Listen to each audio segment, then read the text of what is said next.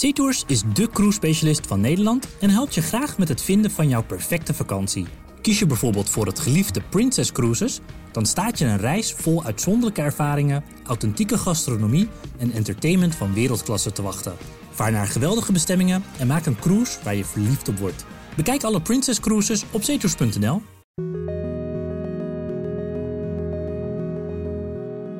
Ja, ik voelde me wel gewoon hè, nog steeds een buitenstaander met mijn verdriet. En tegenover het blijdschap van die anderen.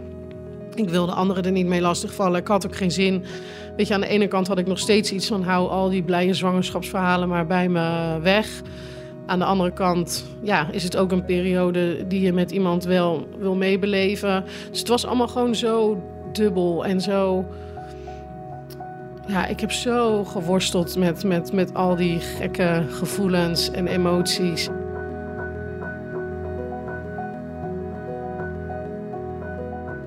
Zelf een miskraam doormaken terwijl je zus en beste vriendinnen zwanger zijn. Dat roept tegenstrijdige gevoelens op, merkte Saskia. En ook haar familie worstelde met haar verdriet. Ze vertelt haar verhaal in Miskraammonologen, een podcast van Ouders van Nu, het AD en de regionale dagbladen. Iedere aflevering een persoonlijk verhaal over miskramen en in deze aflevering dus Saskia. Als Saskia voor het eerst een positieve zwangerschapstest in handen heeft, is ze euforisch. Ik stond helemaal te shaken en ik was helemaal van, oh mijn god, uh, ik had het echt niet verwacht. En nou, mijn man uh, wakker gemaakt van, nou, ik ben zwanger en ik ben ook gelijk mijn uitgerekende datum gaan uitrekenen. En helemaal van, oh, een zomerbaby. Maar helaas, bij de tweede echo blijkt dat het kindje geen hartslag heeft. Saskia maakt haar eerste miskraam door. De reacties uit haar omgeving helpen haar niet. Integendeel.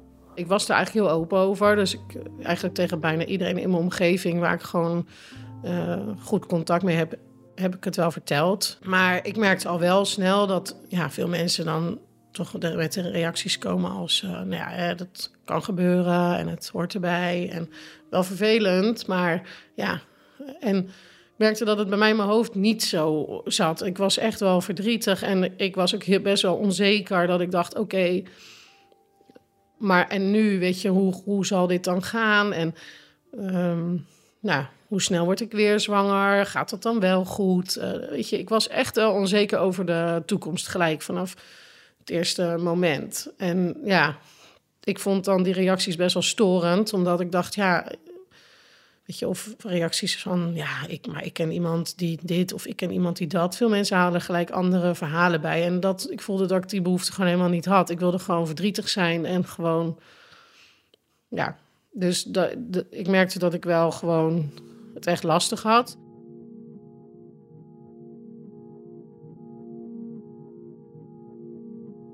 Op een gegeven moment vermoedde ik dat mijn zusje zwanger was en uh, ik weet dus niet meer precies waarom ik dat nou vermoedde. Ik denk dat mijn moeder daar een opmerking over heeft gemaakt. Dat zij het vermoeden had dat mijn zusje misschien zwanger was. En dat ik dat toen heb overgenomen. en ja, mijn zusje is vijf jaar jonger. En ja, ik had toch wel een beetje het... ondanks dat ik eigenlijk wel nou ja, tussen haakjes vrij laat aan kinderen begon... Uh, de hoop dat ik een soort van hè, als oudste dochter het eerste uh, kleinkind op de wereld zetten en, en noem maar op. Weet je, dat beeld zat ik toch wel een beetje voor me. En ja, vond het toch dus heel lastig dat, dat met het idee dat mijn zusje wellicht zwanger was. En um, nou, ik merkte dus ook op een gegeven moment dat wij een beetje al, zonder dat, dat het naar had uitgesproken, een beetje ja, afstand van elkaar um, leken te nemen. Omdat zij het dus heel lastig vond om mij te vertellen dat ze zwanger was. En ik het eigenlijk niet wilde horen. Dus op een gegeven moment wist ik het eigenlijk wel. Zonder dat het naar me was uitgesproken. Maar ik dacht, zolang niemand het echt tegen me zegt, dan is het nog niet zo. Dus, dus uh, ik hoef het niet te weten. En uiteindelijk ja, belden ze me toch op van... Uh, joh, kan ik vanmiddag even samen met mijn man bij jullie komen lunchen? Zullen we dan een broodje meenemen? Nou, ik wist al hoe laat het was natuurlijk. En ik zag er echt als een berg tegenop. En uh, nou ja, dus een broodje en gezellig en super ongemakkelijk. En uiteindelijk zei ze, ja, ik ben hier toch omdat ik je iets wil vertellen. Nou ja, uh, meer hoefde ze niet te zeggen. Ik moest ook gelijk huilen, ze moest zelf ook gelijk huilen. Ik vond het echt moeilijk om blij voor dat te zijn. Sowieso, ook voor andere mensen in mijn omgeving. Weet je, ik gun het iedereen, maar ik gun het mezelf gewoon het meest. Dus dat was, uh, ja, een beetje hoe ik me voelde op dat, uh, in die periode.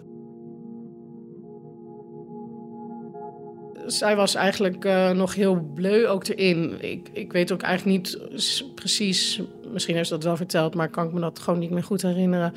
Of ze er echt bewust mee aan de, aan de slag gingen al op dat moment. Maar in ieder geval kwam zij er vrij laat achter dat ze zwanger was. Omdat ze dus gewoon, ja, ja, nee, ik had niet verwacht dat ik zo snel zwanger zou zijn.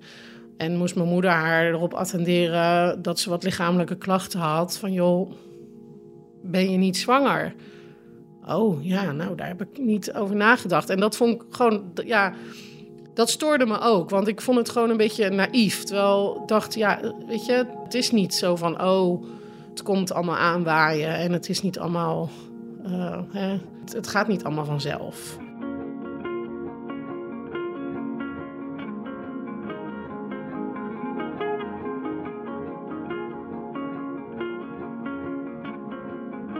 Ik vond dat ook misgunnend, zeg maar, van mezelf ook.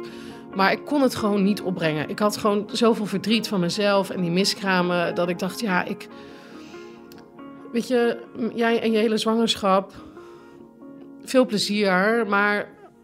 aan de ene kant dacht ik, val mij er niet uh, mee lastig. Weet je, laat mij maar.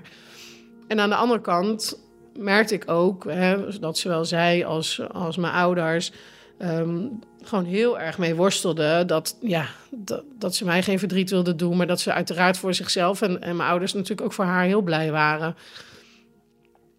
En dat ik er een beetje buiten, soort van buiten werd gehouden om mij te ontzien. Als ik ergens binnenkwam en dan ging er een echofoto rond. En die werd dan snel in een tas gepropt om mij dan maar niet... Uh, ja, daarmee te confronteren. En werd, gingen we het gesprek snel over een andere boeg gooien. En ja, het was gewoon super ongemakkelijk. Dus ja, dat, uh, ja, dat was gewoon echt uh, lastig. Als ik er achteraf naar kijk, op dat moment voelde ik het niet zo. Maar iedereen vond het gewoon super lastig. Weet je, hoe ga je met deze situatie om? Het ligt zo ver uit elkaar. En weet je, het had denk ik goed geweest om het gewoon een keer op tafel te knallen. Alleen ja, iedereen vond dat gewoon lastig om dat, uh, om dat te beginnen. Want niemand wilde de ander pijn doen of uh, de ander zijn geluk ontnemen. Of... Er zijn zulke nieuwe gevoelens waar je dan uh, mee geconfronteerd wordt, die je zelf dus niet kent. Ja, daar, daar zijn gewoon geen draaiboeken voor. En dat vond iedereen denk ik gewoon lastig. Weet je, als je allemaal dezelfde kant op gaat, dus allemaal in het verdriet zit of allemaal in de blijdschap, is het natuurlijk veel makkelijker dan als dat wordt gesplitst. En ja, dat, dat, dat maakt het gewoon, denk ik, zo complex. Het heeft echt gevoelens losgemaakt op dat moment waarvan ik echt nooit had gedacht dat ze überhaupt bestonden. En ook gewoon dat we zo erg als gezin van elkaar verwijderd konden zijn voor mijn gevoel. En ik was ook echt bang dat het niet meer goed zou komen. Dat we echt omdat ik zeker in de tijd dat ik dus zelf nog niet uh, een succesvolle zwangerschap had gehad, gewoon altijd nog heel bang was geweest van, komt dit ooit wel goed?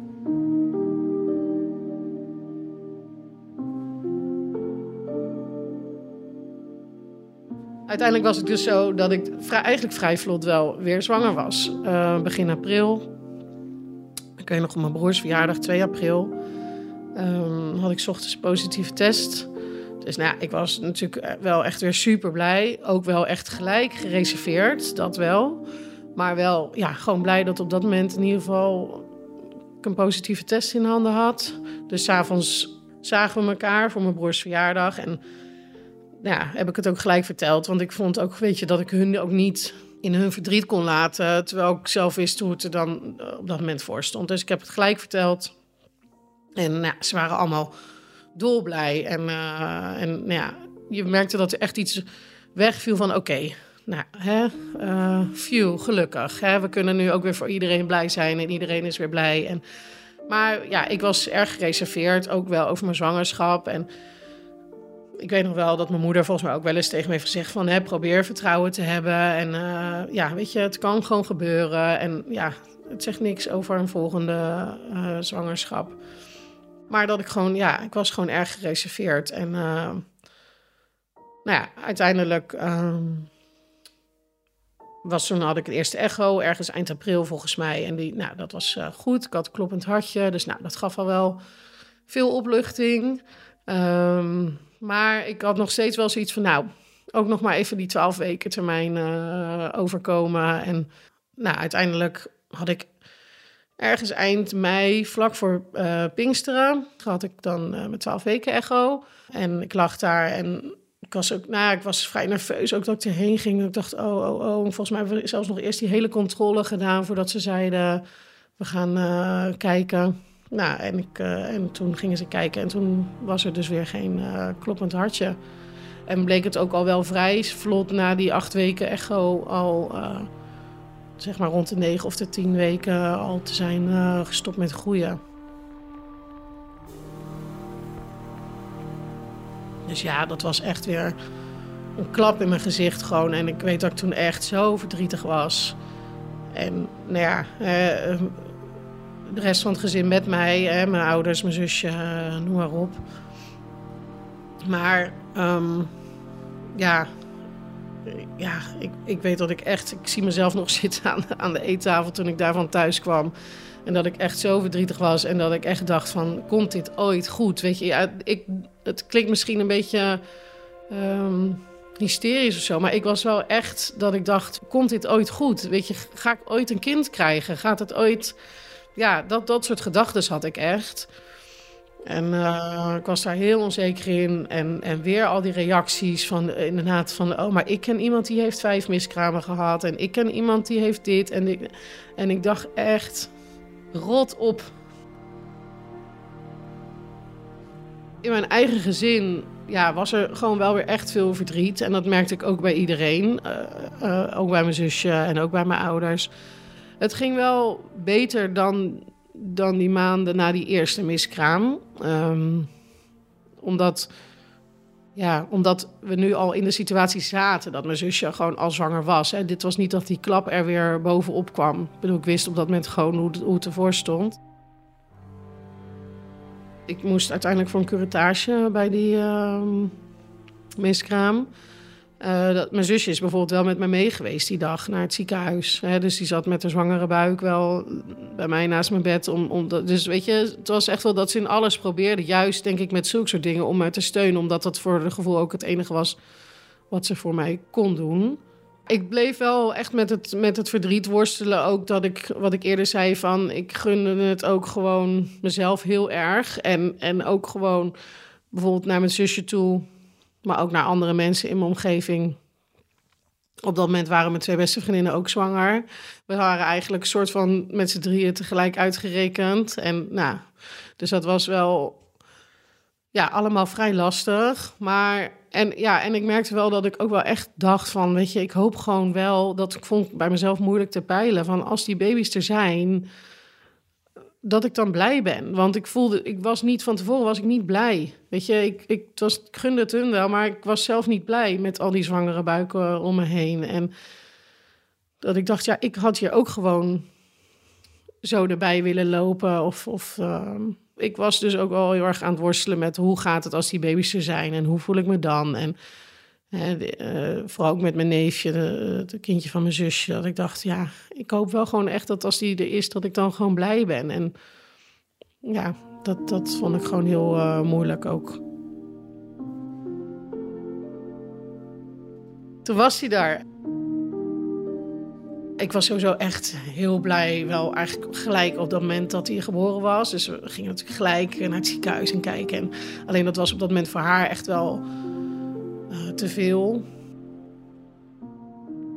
Ze had zelf heel veel bloed verloren en het is best wel een beetje een traumatische ervaring uh, voor haar geweest. Die dagen daarna en ook toen ze helemaal naar huis mocht, het wat haar zo'n impact gehad. Ze had echt wel veel zorg nodig dat ik me gewoon heel erg heb opgeworpen als...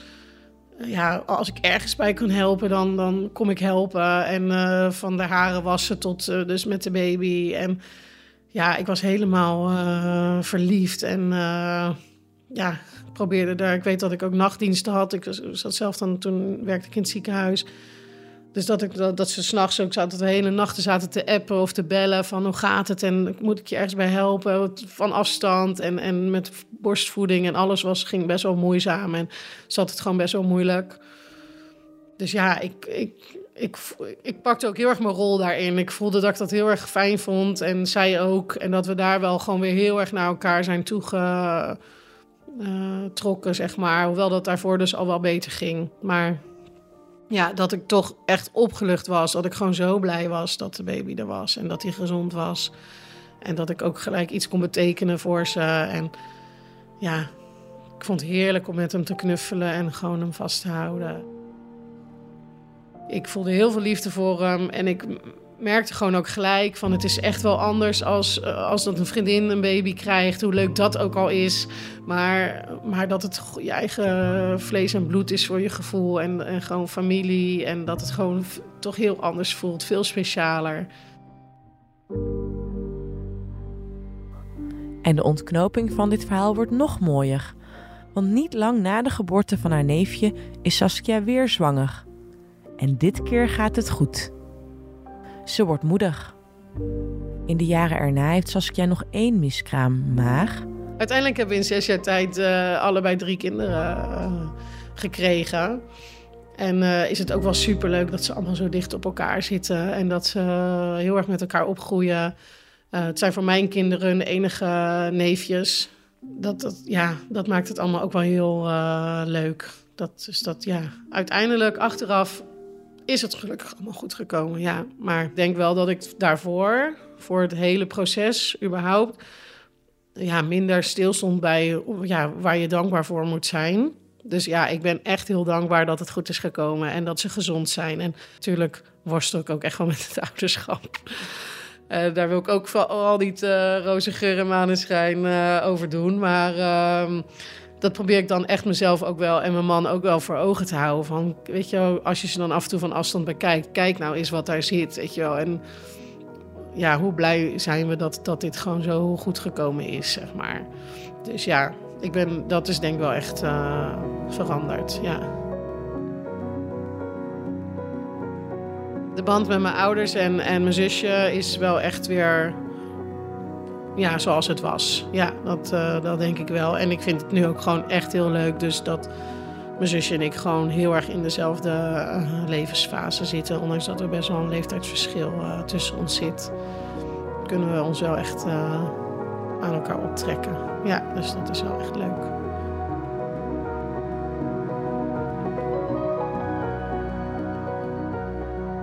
Je luisterde naar Miskraammonologen. Je vindt de andere afleveringen op oudersvannu.nl, ad.nl slash podcast, de site van de regionale dagbladen en natuurlijk alle andere plekken waar je podcast luistert. Mijn naam is René van Heteren. Eindredactie deed Kevin Goes. Speciale dank aan Saskia en alle andere vrouwen die hun verhaal met me deelden.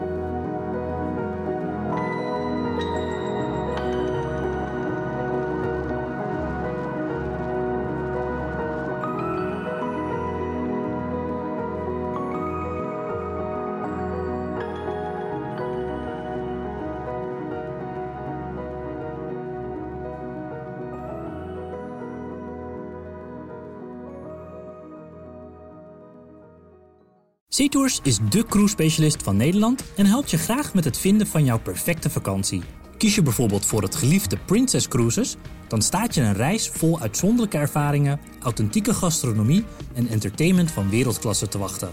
Vaar naar geweldige bestemmingen en maak een cruise waar je verliefd op wordt. Bekijk alle Princess Cruises op zeetours.nl